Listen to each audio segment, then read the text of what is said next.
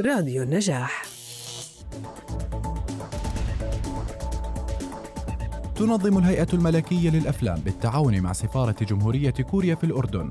من يوم الاثنين السادس من كانون الأول إلى يوم الأربعاء الثامن من كانون الأول. في مسرح الريمبو جبل عمان أيام الفيلم الكوري. بعنوان نفق.